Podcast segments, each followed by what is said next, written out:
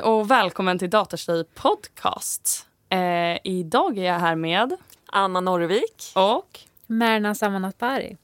och idag ska vi prata om dataspelsindustrin eh, som ni båda jobbar inom. Eh, vilket ska bli superkul. Det är något som vi inte har pratat om tidigare i, i podden. Eh, men jag tänker att vi börjar som jag alltid brukar börja i den här podden. Så ni får berätta lite vad ni hade för relation till data-IT när ni var yngre. Kanske gick i gymnasiet eller så. Vill du börja, Anna? Ja, visst. Alltså min, min hela spelhistoria började när jag var runt eh, ja, 14. Egentligen hade jag spelat en del Sonic med mina systrar eh, när Mm. jag var runt 5 till 10. Men sen när jag var 14-15 spelade jag väldigt mycket Halo. Och eh, satt vissa nätter, eh, pratade med folk online. Och eh, Det är så här Ja. äventyrs... Det är ett FPS, ett First Person Shooter. Ah, så ett, eh, okej. ett skjutspel där man skjuter aliens. Ah. Och, eh, och jag spelade det väldigt mycket tillsammans med en del, en del andra spel, men det var det som jag spelade mest.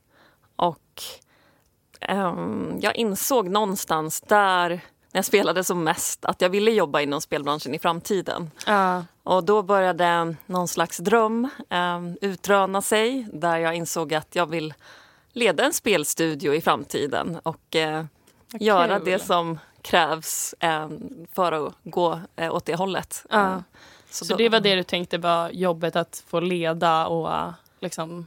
Precis, Ja. precis. Och jag tror att det var för att jag spelade med ett gäng personer och vi började utforma någon slags vad heter det, klubb eller klan inom Halo som skulle het- heta den svenska Xbox Live-föreningen eller någonting sånt. Det blev aldrig någonting, men jag tror där drömmen började. Eh, Plus att jag var intresserad av här, aktier och ekonomi och att så här, blandningen däremellan skulle Ah. bli något i den stilen. Ja, men coolt.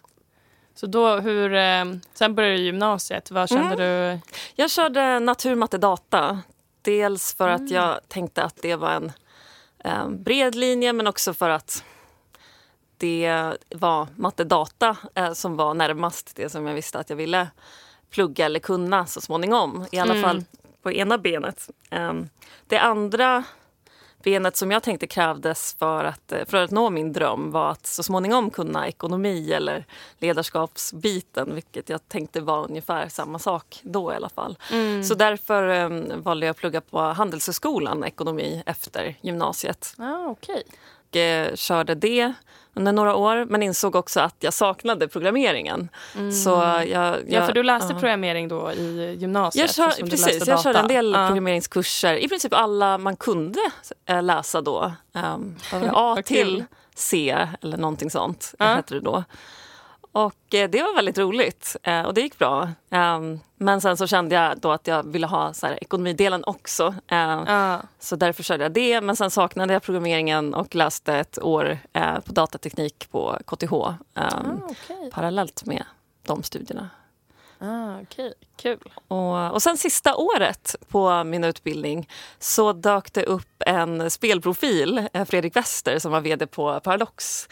Och som är det nu igen. Um, ja, long story. Um, och um, han föreläste om sin entreprenörskapsresa på Handels. Och det var den enda spelpersonen som hade kommit dit någonsin. För annars var det bara managementkonsulter och banker som var där och försökte rekrytera. Eh, Och då berättade jag för honom efter föreläsningen att jag ville jobba inom spelbranschen i framtiden, att det var min dröm. Hade egentligen tänkt att jag skulle köra några konsultår och sen hoppa in i spelbranschen. Ah, okej. Men, eh, men sen när jag var i Kina ett halvår efter så hörde han av sig på LinkedIn sa att det kanske fanns en eller två roller som skulle vara relevanta för mig. Och eh, januari därefter så började jag på Paradox i spelbranschen. Ah, coolt. Nice att kunna knyta sådana kontakter tidigt ju. Ja, det var ju jätteviktigt. Mm. Jag vet inte hur jag annars hade kunnat ta mig in. För jag sökte också en prao när jag var 14 på DICE. men blev eh, rejected. Nej. Jag sökte faktiskt några till ställen. Jag tror jag sökte alla spelföretag i Stockholm, kanske även utanför Stockholm. Um, och till slut fick jag en prao på något som heter Jadestone som inte längre finns idag. eh, Okej. som tur var. Så där fick jag min eh, allra första mindre inblick i spelbranschen. Men DICE, att de, eh, inte lät mig praoa, det, det höll jag kvar i bakhuvudet länge. Taskigt. Fram tills idag. Ja. ja, men ska vi gå över till dig? Vad var din eh, relation till... Ja, jag har en lite annorlunda relation skulle jag vilja säga. Alltså jag växte ju upp i den här generationen med Commodore. Eh, Commodore? den, den här första datorn kan man säga som man hade hemma. Okej. Eh, som blev väldigt populär. Måste ha varit slutet på, eller någonstans på 90-talet Mm. blev den ju väldigt populär. Och det var ju väldigt basic spel då i början som man körde. Eh, Det var liksom Asteroid Space Invaders, alltså så här 2D-spel. Mm. Eh, Pong, där man bara liksom skjuter en boll fr- fram och tillbaks. Alltså sådana spel. Sen så utvecklades ju det under tiden. Jag spelade ganska mycket spel när jag var liten och vi hade, vi hade konsoler också. Vi hade Atari och vi hade Sega. Eh, och sen fick vi Playstation och min bästa vän hade också en Nintendo. Mm. Eh, så vi, jag har spelat jättemycket när jag var liten. Sen så eh, någon gång, jag vet inte riktigt när, kanske var, vad kan jag ha varit, 13-14 år eller någonting. Mm. Så kom eh, de här jättekända Starcraft och Warcraft ut. Mm. Eh, och då, då hade inte jag tillgång längre till datorn överhuvudtaget. Då tog min storebror över och skrek alltid ut ur mitt rum. Eh, så efter det så tappade jag liksom connectionen med spel och, och det här liksom Ja. dataintresset egentligen, helt och hållet. Jag hade en lång paus. Sen så kom jag, jag kommer ju från en, eh, liksom, mina föräldrar är från Iran. Mm. Eh, det finns en väldigt här, stark kultur av utbildning eh, och det finns liksom egentligen tre eh, yrken som man ska försöka få till. Eh, det är läkare, tandläkare och eh, civilingenjör i den ordningen. Så att mitt mål var ju att bli läkare. Eh, egentligen inte för att mina föräldrar någonsin uttryckligen sa att jag borde söka mig dit. Men det, det var liksom en kultur som Mm. man blev inpräntad på något sätt. Från annan familj och från, ja, jag vet inte, vänner och sådär. Men jag tror att det är lite, alltså eh, att man bara okej jag är smart, jag kan göra hög statusgrejer och så blir det på något sätt att man förstår inte riktigt var det kom ifrån men ändå att det är så här en piedestalgrej att man Mm. bara det där är ändå det coolaste så varför ska jag inte eller det coolaste kanske inte men det är mest Det svåra. åtråvärdaste. Ja men Mm. exakt. Precis. Ehm, så att det tror jag är vanligt. Alltså jag Mm. tror att det är jättemånga som hoppar på att plugga läkare som egentligen inte vill bli läkare. Som bara gör Ja. det för det. att det är där uppe på piedestalen. Definitivt. Sen kom jag ju aldrig in för jag hade ju, jag fick ju inte, jag hade ett betyg då, fysik som, som jag inte fick högsta betyg i. Mm. Och på den tiden i alla fall så behövde man eh, liksom eh, MVG i allt, eh, motsvarande. A idag. Ja. Eh, och jag försökte till och med läsa upp den kursen på komvux men jag lyckades inte. För jag var så otaggad. Och jag kommer ihåg när jag failade den kursen, eller liksom att få högsta betyg på komvux. Så satte jag mig i tunnelbanan och grät och ringde till min, min eh, nuvarande sambo, min dåvarande pojkvän då, som, och sa liksom att mitt liv är slut. eh, och han var men skärp dig, det finns andra utbildningar liksom. Ja.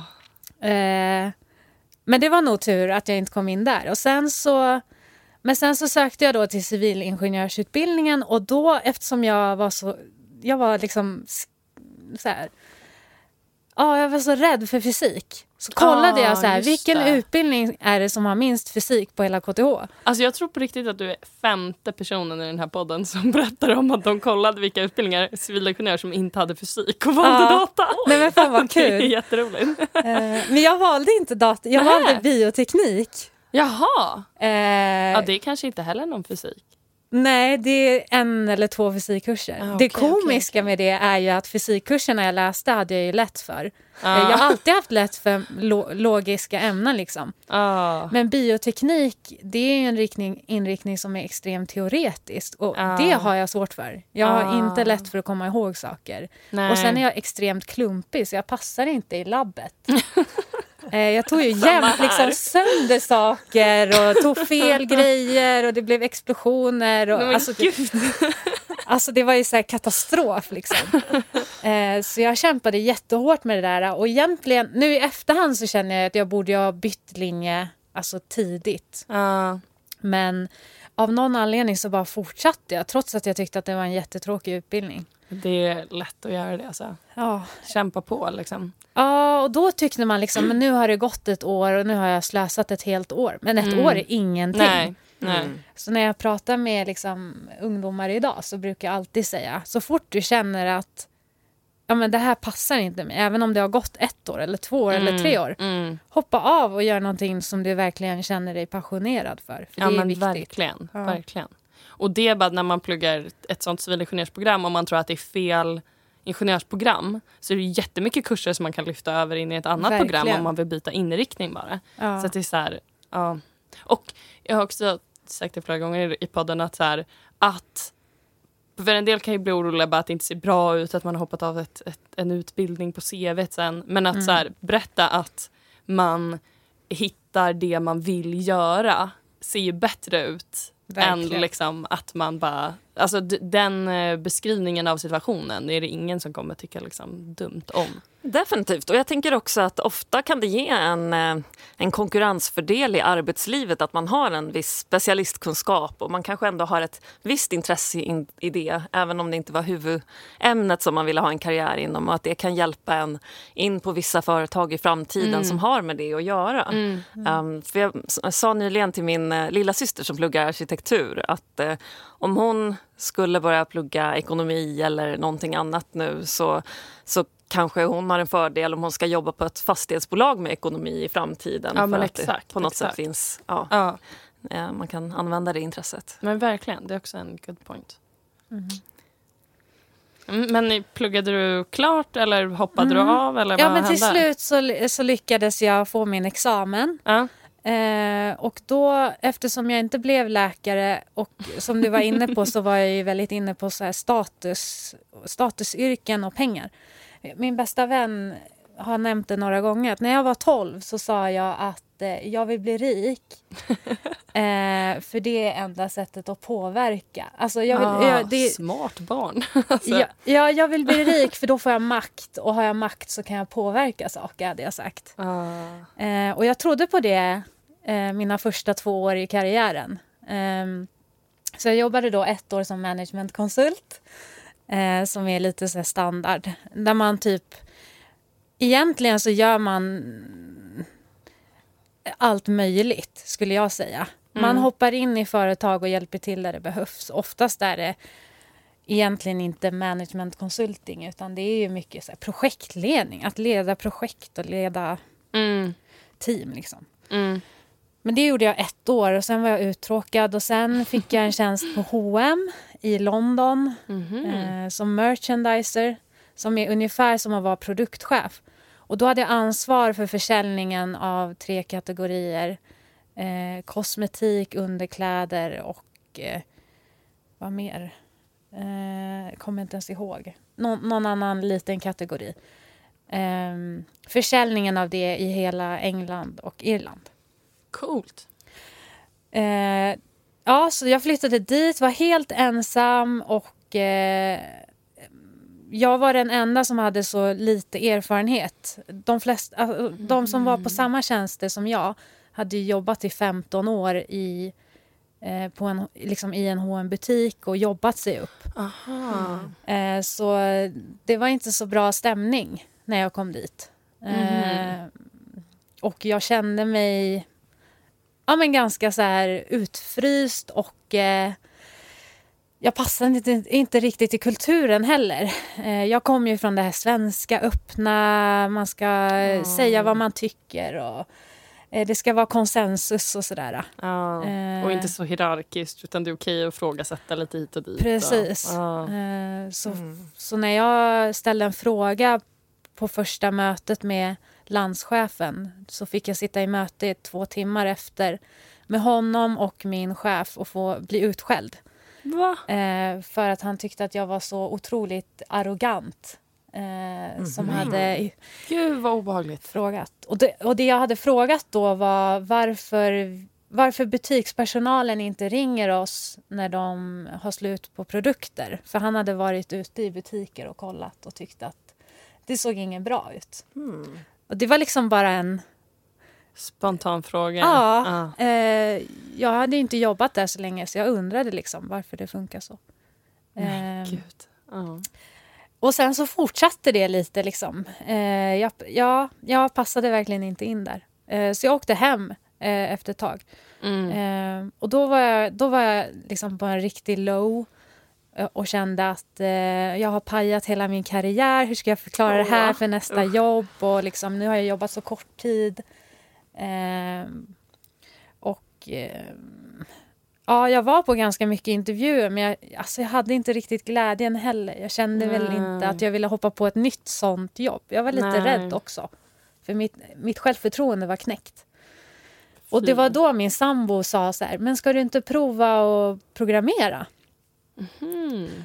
Och jag bara, nej, alltså det är inte för mig.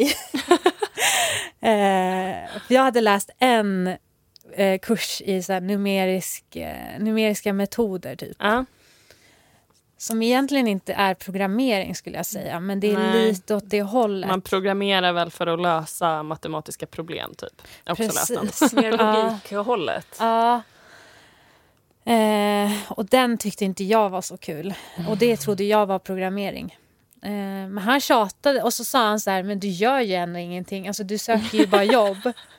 Så du har ju Jobbar han inom programmering eller? Han, han har läst data. Ja okej, okej. Det förklarar Eh. hans pushighet. Ja, så han, han peppade jättemycket för det. Och sen hade jag tur för min brorsa hade läst teknisk fysik och eh, sen gått över till programmering också. Mm.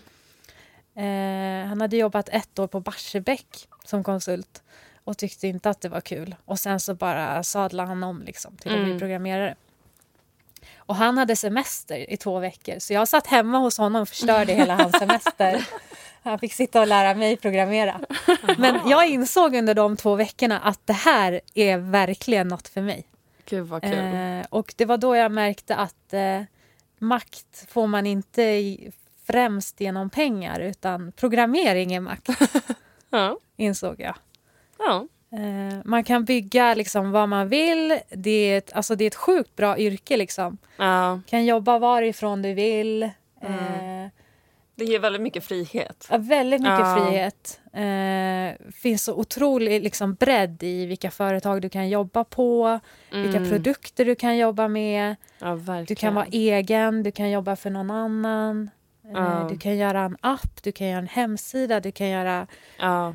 ah, spel, liksom vad som helst. Mm. Så jag fastnade verkligen för det där. Och så pluggade jag ett år då, eh, bara fristående kurser, mest på Uppsala universitet. Okej. Eh, för det var, jag var så sen med att anmäla mig.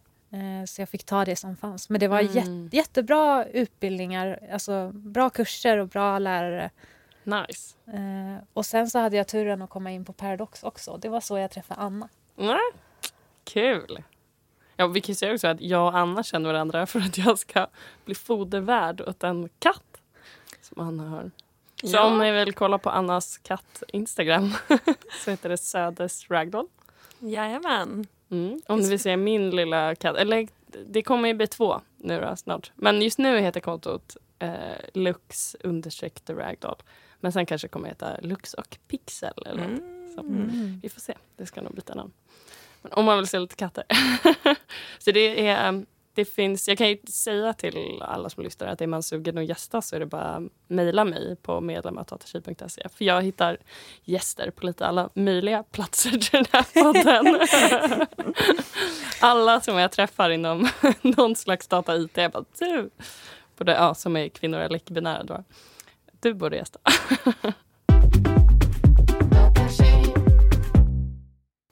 Men eh, vad jobbar ni med idag då? Om ni vill berätta lite om det. Och Jag vad ni jobb- gör på dagarna. Absolut. Jag jobbar som eh, något vi kallar på EA som heter Development Director. Okej. Och, eh, och vad innebär det kan man ju undra. Eh, Det är en roll som är som project manager, projektledare Mm. på ren svenska. Där man tar hand om den planering och det team som eh, som ska utveckla en, en feature, alltså en mindre del av spelet. Eh, mm. Till exempel inom Battlefield som, som vi utvecklar på inom DICE så, så kan det handla om att man har ett team som gör det som man kommer sälja inom spelet och storen. Och det kan finnas ett annat team som fokuserar på, eller det finns ett annat team som fokuserar på vapen, ett team som fokuserar på karaktärer. Mm. Så det finns de här alla olika delarna som, mm. som alla har sitt, sitt team med olika eh, grafiker, programmerare, eh, QV som är de som testar spelet. Mm. Um, och, eh, och då bland annat development directors som är ja, projektledare. Mm. Um, och då, då gäller det att vi har koll på de risker som finns inom projektet och följer upp på dem. Ser till att vi, att vi går mot leveranser av det som vi ska um, skapa för spelet. Mm. Så mycket kommunikation, tänker jag mig. Ja, väldigt mycket kommunikation. Det är en jätteviktig del av det yrket och någonting som jag känner att ja, man börjar i princip på, på noll inom kommunikation. I alla fall kändes det så för mig. Men sen så är det en evig resa. Det känns som att man alltid kan bli bättre och bättre på kommunikation och hur man, mm. hur man eh, förstår också teamet och alla roller, vad de behöver för att kunna göra sina yrken så, så väl de kan och kunna fokusera på det man vill inom teamet. Ja. Så att inte alla känner att de måste ta projektledarsvar utan att man faktiskt fokuserar på det som är ens eh, passion och det man är bra på och tycker är kul. Så, så den typen av project management mm, jobbar nice. jag med. Vilket är ett jättekul jobb, äh, tycker jag. Och det är i princip det jag jobbat med sen jag började på Paradox. Ja, men i olika, olika titlar och i olika projekt och olika delar av företagen. Men det har mm. alltid varit det på ett eller annat sätt. Att vara i team, teamlead eller project manager mm. eller development. För det känns ju som ett väldigt socialt yrke. I och med att det är så mycket kommunikation. Att jag tror att många mm. har bilden av att så här, IT-världen att man är en loner. Liksom. Nej, eh, precis. Det, fin det, finns ju roller där man absolut kan få vara en loner om man vill det. Men det finns ju också jättemycket sådana sociala Precis. Jag tycker det är så viktigt att som projektledare för ett team faktiskt ha en ständig kommunikation med varje individ. Att man lär känna mm. varje individ och att man träffar alla personer i teamet varje vecka för att se hur går det för dig, vad behöver du av mig och mm. äh, fråga rätt typ av frågor. Och det krävs mm. ju väldigt mycket ja, kommunikationsskills. Ju, ju, mer man kan inom kommunikation desto mm. bättre kommer man i princip kunna göra sitt jobb. Ja. Så. Oh, nice. Och samtidigt viktigt att också kunna, kunna sätta ner foten ibland eh, när andra personer mer kreativa eller det som vi på EA kallar producenter. Men det något förvirrande med producentbegreppet för att på andra bolag innebär producent det som vi på EA kallar för development director. Aha, okay. vilket, eh, vilket alltså gör att ja, producenter på andra bolag är eh, projektledare. Eh, men producenter på EA är de personerna som vill eh, lägga till fler och fler features eller saker som man har i spelet. Medan mm. som projektledare måste man då och då kunna säga nej till det som ska ja, läggas till. För du måste ju se till teamets hälsa och arbetsbelastning exakt. såklart. Ja. Exakt, exakt. Ja, jag fattar. Ja, coolt. Mm. vad... ja, vad jobbar jag med? Ja, men jag är ju programmerare. Mm. Um, jag började i, på Paradox som spelprogrammerare. Och då satt jag i ett spelteam okay. som utvecklade ett strategispel, Stellaris. Jag har aldrig spelat eh, strategispel innan jag fick det jobbet. Eh, men jag har aldrig varit så passionerad för ett spel. Det blir som ens lilla bebis. bebis. Ja, jo, jag kan hålla med om det där. Eller så. inte för att jag jobbar med spelutveckling, men när jag utvecklar andra produkter och mjukvaror. Att man bara, wow, min lilla bebis. Ja, ja men du kan relatera. Jag har byggt det här själv. Exakt. Eh, och det är, en, det är en sjuk känsla också när man släpper spelet. För man jobbar mm. på någonting i flera år. Ah. Tillsammans med då artists och eh, designers och eh, folk som gör olika typer av content i spelet, andra programmerare och, och liksom projektledare mm. som Anna. Eh, och man blir ett väldigt sammansvetsat team. Ja. Ehm, Ja, men det förstår jag. Men vad, när du jobbar som programmerare då, vad är det för typ av programmering? Är det liksom logiken i spelet eller är det ehm, mer visuella grejer? Eller? Ja, alltså på Paradox så jobbade jag med en väldigt, alltså väldigt brett. Så jag jobbade med i princip allt skulle jag säga förutom just rendering som är det här visuella. Ja. Mm. Eh, och anledningen till det är för att eh, just rendering eh, är en väldig så här, specialitet. Mm, mm. Eh, så ofta så behöver man fokusera på det eh, Ja, heltid. exakt. Eller Det känns som en specifik gren. Liksom. Ja, mm. Det och fysik skulle jag säga. Mm, Fysik. mm. Det är så stor, det är så stor skillnad på, på liksom, när jag sitter och gör grejer. För jag behöver inte... Eller jag backend programmerar mest. Liksom. Och jag, det är klart att det är logik och grejer i mitt men det är aldrig som att jag behöver tänka på fysik och att saker ska vara att man ska modellera någonting som ska vara realistiskt. Liksom. Mm. Ja, är, Ja men precis, för det blir ju så, nu hade, vi hade inte så mycket fysik i Paradox-spel, men Mm. på EA så har vi ju, eh, alltså till exempel hur hår ska röra sig. Det känns som något väldigt så basic egentligen, Ah, kanske ah. inget man tänker på i ett spel. nej. Men det är sjukt avancerat och det Mm. är baserat, det är samma sak med vatten, hur vatten rör sig eller Ah. hur vinden påverkar träden och sådär. Ja. Det är ju baserat på riktiga fysiklagar. Ja.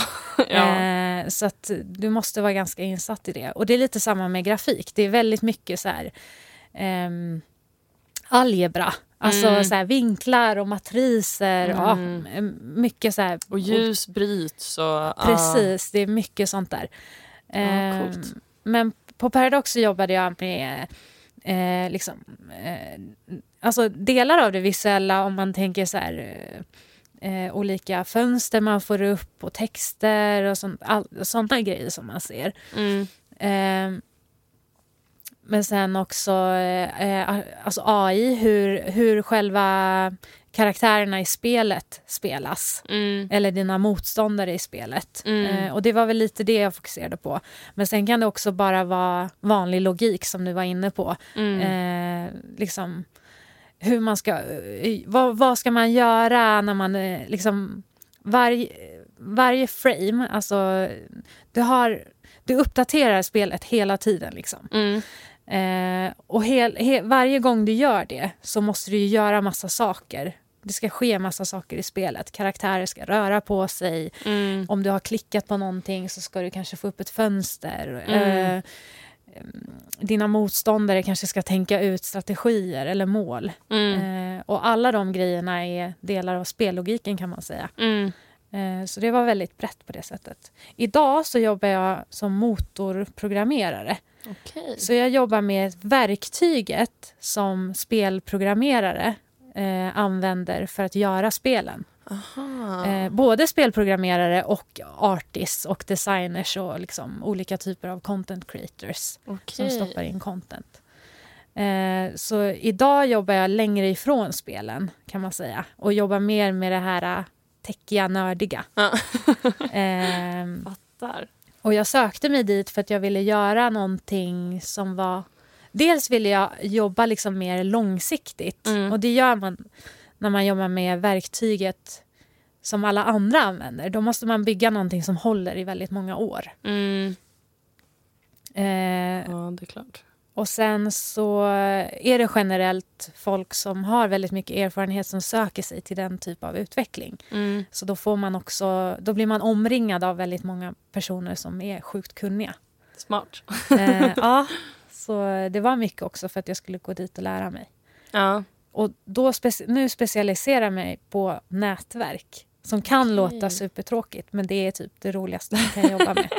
Varför är det det roligaste? Det är otroligt roliga utmaningar i och med att det finns liksom en limit på hur snabbt du kan skicka data Mm. i nätverket. Mm.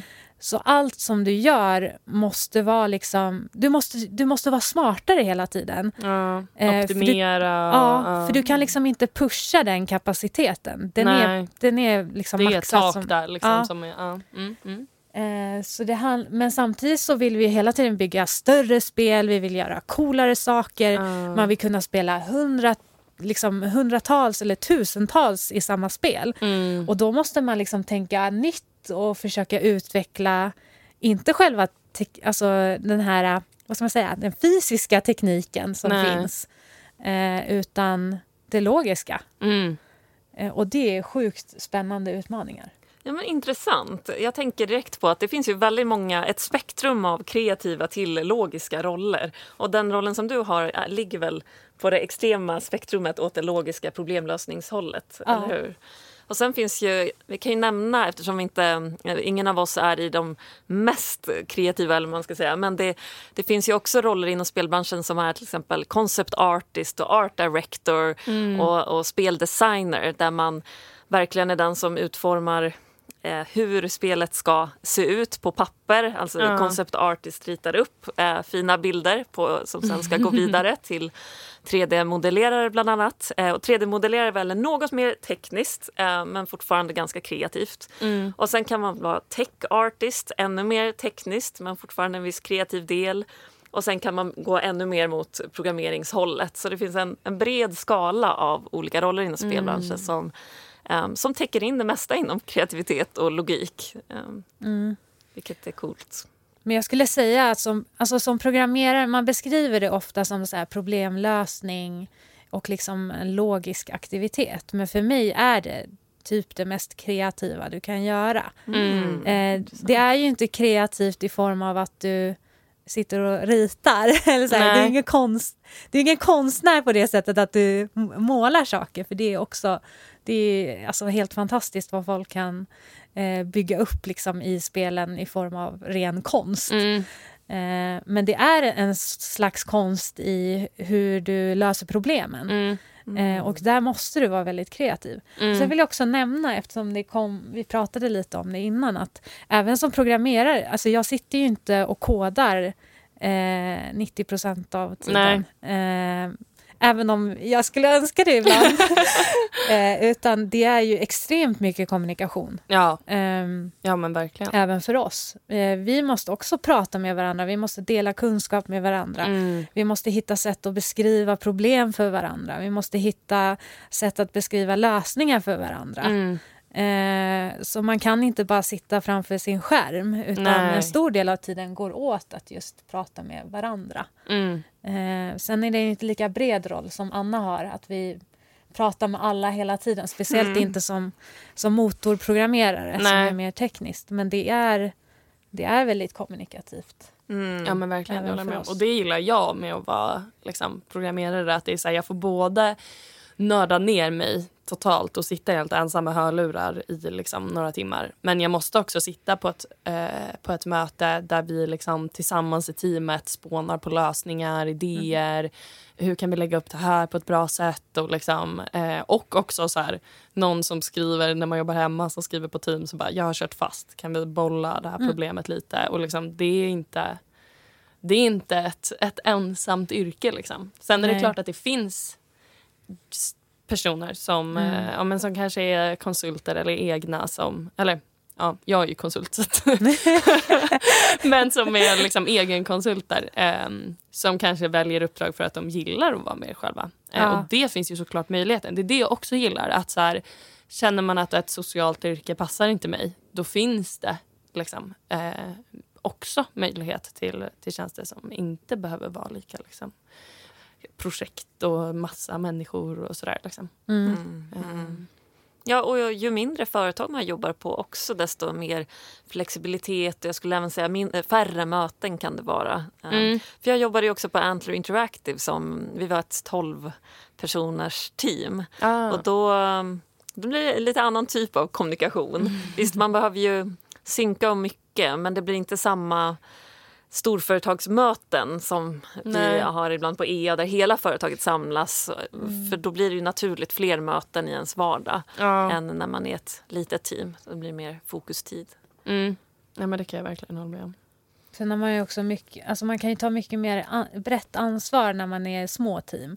För det var vi också på Paradox. Då, eh, vi var ju, när vi började med spelet så var vi ju bara tre programmerare. Mm. Och det gör ju att när man, när man utvecklar så kan man ta väldigt stort ansvar och jobba väldigt brett och prova olika saker. Mm. Eh, Och att det går, eller jag uppskattar, för att jag är en hetsig människa eller vad ska säga, uppskattar när det är mindre företag eller mindre team för att man då då behöver inte besluten gå genom liksom sju personer. Exakt. Utan då kan Mm. man i sitt lilla team bara, men nu bestämmer vi, vi testar det här och ser om det funkar. Liksom. Mm. Eh, och man behöver inte hålla på och argumentera så jäkla mycket. Eh, framförallt för om man är programmerare då för personer som inte är programmerare och förklara någonting väldigt tekniskt och varför det ska göras så. Eh, och att det kan vara liksom, ja, att jag kan tycka att det blir en bromskloss. Mm. Liksom.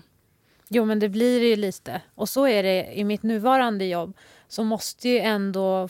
Alltså, eftersom vi gör produkter som ska hålla i 10-20 år, Mm. kanske mer, så, så måste vi ju se till att vi jobbar åt det hållet som företaget vill. Och därför Mm. måste vi hela tiden checka. Är vi på väg åt rätt håll? Gör Ja. vi det alla våra spelstudios runt om i världen behöver och vill ha? Ja. Mm. Eh, så det blir ju mycket mer alltså, eh, checkar liksom, eh, Ja, är framåt. Medan är man i ett mindre team eller, min, och ett min, eller mindre produkt, eh, man ska säga, Mm. så är det ju mycket lättare att bara testa vingarna. Mm. Man provar och så ser man vart det hamnar. Liksom. Mm. Ja, exakt. Ja, om man vill få en övergripande förståelse för hur man gör spel då är det ju faktiskt bättre ju, ju mindre team man, man börjar i. Mm. Eh, för sen när man börjar på ett större företag så blir man ju mer som en kugge i hjulet. Och, Mm. och då, då kommer man inte se hela processen. Nej. Även om det är kul i sig också att ha en, ett fokusområde. Mm. Mm.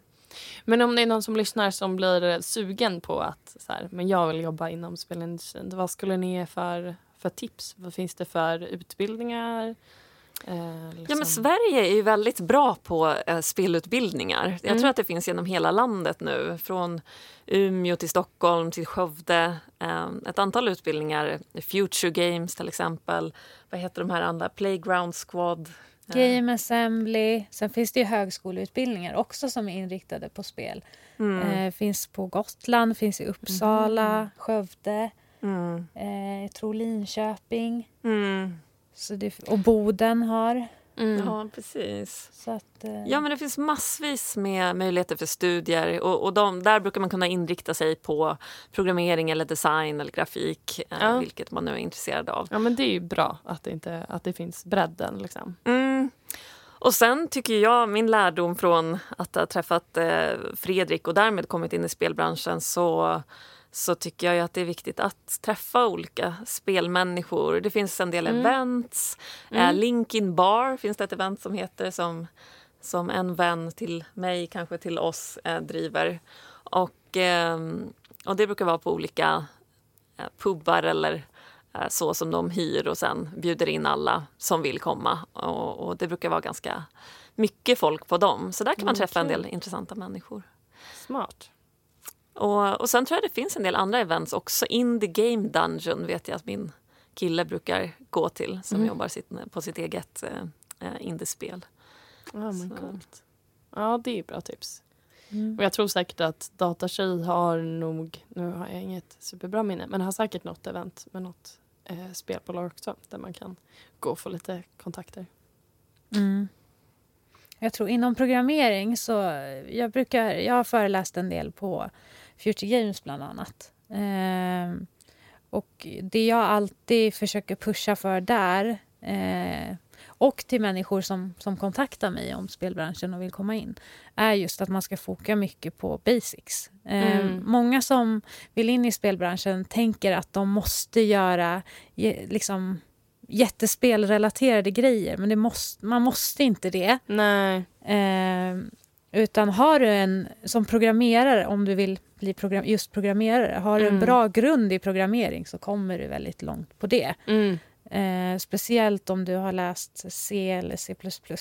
Okej, så det är de eh, språken som är störst. Mm. Det är liksom störst. Eh, men sen finns det, det finns en jättebredd. Alltså det, Sverige är så otroligt stora på spel. Mm. Så det finns även C-sharp om du har jobbat specifikt med någon motor, spelmotor som Unity, Unreal. Då är det en Mm. fördel. Om du har gjort Mm. egna spelprojekt eller liksom gått en riktigt spelinriktad utbildning så är det klart att det är också ett sätt. Mm. Men det finns liksom väldigt många olika sätt. mm. Jag, gjorde, alltså jag läste ju basics när jag Mm. läste mitt år av programmering. Och sen Mm. så läste jag en grafikkurs och en AI-kurs i spel. Mm. Eh, grafikkursen var inte spelinriktad utan det var liksom eh, ta in data från en röntgen och sen eh, Aha, i min bransch. produce- ja, producera en bild av det. Liksom. Ja. Eh, och det var ju skithäftigt och det kunde jag också visa upp liksom, när jag sen Mm. sökte jobb. Mm. Så skickade jag så här, här är tre projekt jag har jobbat på. Ja, Eh, smart. så, ja, så det måste inte vara superspelinriktat. Men däremot så hjälper det väldigt mycket om man har en bra bas i programmering. Ja, men precis. Och där kan man ju fundera också, om man, om man känner att det är programmering, så här, okej, vill jag vill jag mer åt kanske det vi snackade om tidigare, fysikhållet och de Mm. grejerna, då kanske en civilingenjörsutbildning som innehåller fysik. Absolut. typ alla civilingenjörsutbildningar innehåller programmering. Eh, så om man, och sen kan man välja en master då som är ren programmering. Men, Mm. eh, men om man känner så här, nej men jag vill lära mig programmera snabbt, då finns det ju massa YH-utbildningar, bootcamps, allt möjligt. Liksom. Mm. Så gör lite, ja, men som du sa, C, C++. Då finns det ju, det finns ju jättemycket utbildningar inom det. Och på civilingenjör, visst finns det någon Mm. som heter data människa interaktion som man kan gå som? Mm. Eh, Master. ja, precis. Det, det lär ju vara väldigt närliggande spelbranschen, tror jag också. Eh, Jag har för mig att många som är inom spelbranschen har gått den eller Mm. kurser inom Mm. liknande ämnen. Jag tror att för förra avsnittet, så de två som gästade då hade gått den. Mm. Eh, men det kan ju vara, det är ju allt, kan ju vara allt möjligt typ av frontend-utveckling. Mm. Eh, men absolut att det också innefattar spel. Liksom. Mm. Ja, för vi har ju väldigt mycket, i alla fall inom eh, stora företag, behov av UI och UX-designers och UI-programmerare, alltså Mm. skriptare. eh, Precis, och UI är user interface och Precis, UX user interface. är user experience. Det stämmer, precis. Kolla vad jag kan. Snyggt. Precis, så just nu jobbar jag faktiskt i ett team där vi har eh, väldigt många UI-skriptare och eh, jobbar väldigt nära UX och, eh, och en del kodare också. Mm. Eh, för, att, eh, för att jobba på de interfaces, alltså gränssnitt och menyer som man ser i spelet. Ja men precis. Ja. Allt runt omkring. ja men exakt. För det är ju för att undvika Alltså, alla vet väl någon gång när man ska in på en hemsida någonstans och bara, jag vill till det här stället men jag hittar inte hur jag kommer dit för att den här menyn är helt värdelös. ja. Mm. Ehm, och det är ju eh, väldigt svårt faktiskt att designa menyer och inställningar och ja, hur man hittar vart, vart det är man vill. Liksom. Verkligen. ju, Ja, man kan tro att det är bara att lägga in en, en knapp någonstans och Mm. det fixar grejen. Men det är verkligen så mycket mer kunskap och tanke bakom Ja. som krävs för att få till det. men exakt, det är en hel jäkla vetenskap. Mm.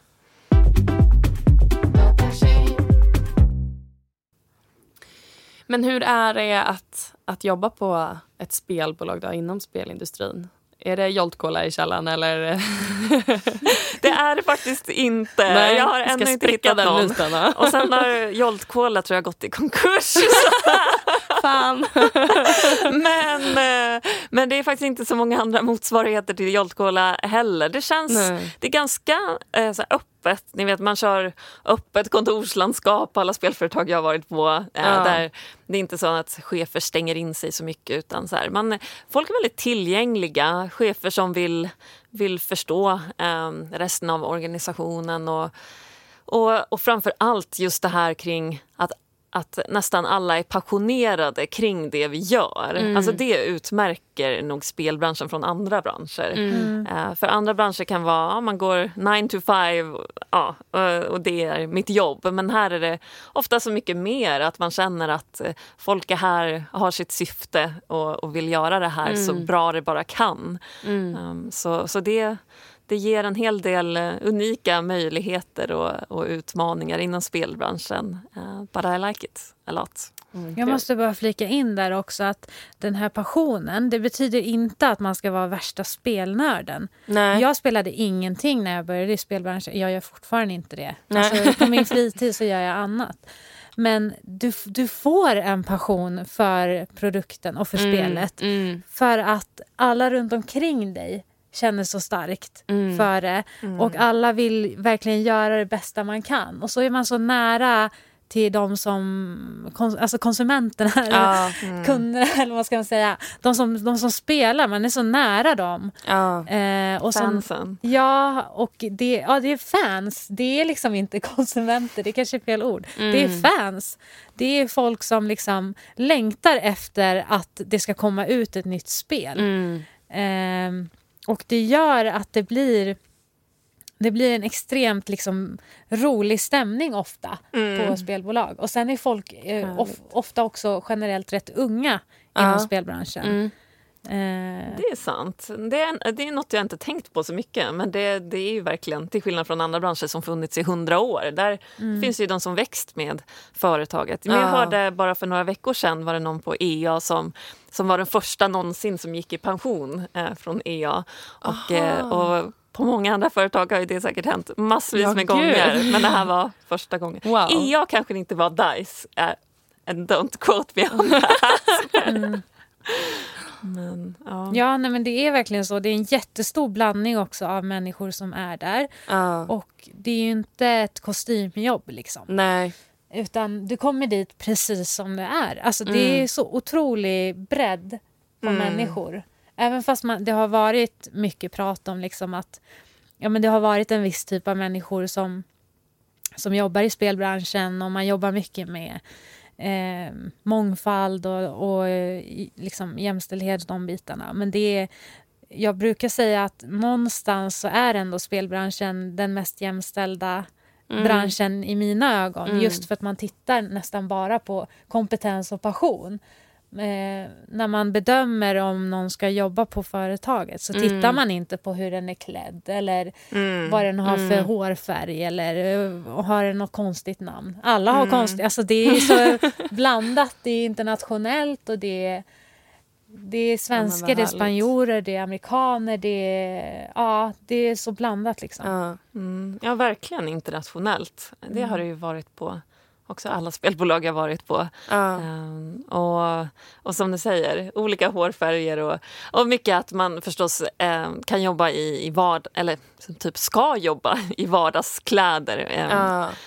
Jag, jag, tror att folk skulle titta lite snett på en om man kom in i kostym. Alltså att det, mm.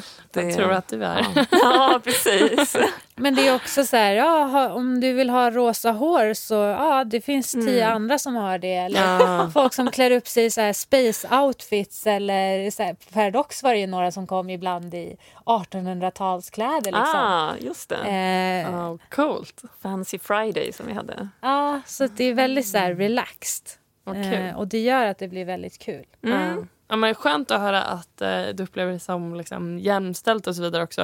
För det var väl en, eh, vad säger man, inte en, en men gud, nu tappade jag orden. Obalanserat i Nej, jag tänkte på den här um, som kom ut om det här Det var ju USA, va?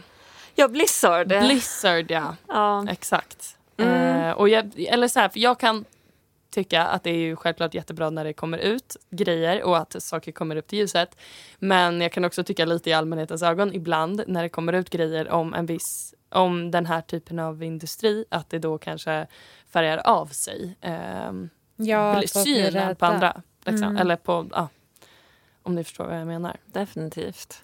Alltså jag tror ju definitivt att eh, spelbranschen behöver jobba på olika saker. Och jag tror mycket ligger i att eh, många spelföretag startades liksom av tre killar i någon källare. Mm. Men de är, det är ju inte de företagen idag. Nej. Idag är det stora företag med en stor bredd av olika människor som jobbar. Mm. Eh, sen tror jag USA är lite extremt också. Det är mycket skandaler där. Ja, gud ja. Alltså, det är ju bara att eh. kolla på hur långt feminismen har kommit till Sverige mot USA. Alltså, Det är ju mm. ett skämt i USA. Liksom. Mm. Så att det är ju Det är ju, man blir ju inte förvånad att det är där. Mm. Nej, det är där de värsta grejerna Ja, händer. exakt. Men sen har det ju hänt en del grejer i Sverige också. Det ska man inte sticka under stol med. Men överlag Mm. så skulle jag ändå säga att det är otroligt tacksamt att vara kvinna i spelbranschen, tycker jag. Ja, Eh, just för att man sticker ut. Och att sticka ut är det enklaste sättet, enligt mig, eh, att eh, komma framåt i sin karriär. ja. Och bli ihågkommen. Och, Du mm. syns och du hörs och folk lyssnar för att det finns inte 200 andra som du.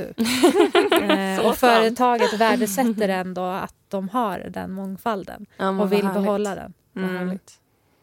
Ja, det är ju väldigt tydligt där vi jobbar nu att det är väldigt mycket fokus på inkluderande och, eh, och att man vill ha olika personers perspektiv i rummet. Ja, ja.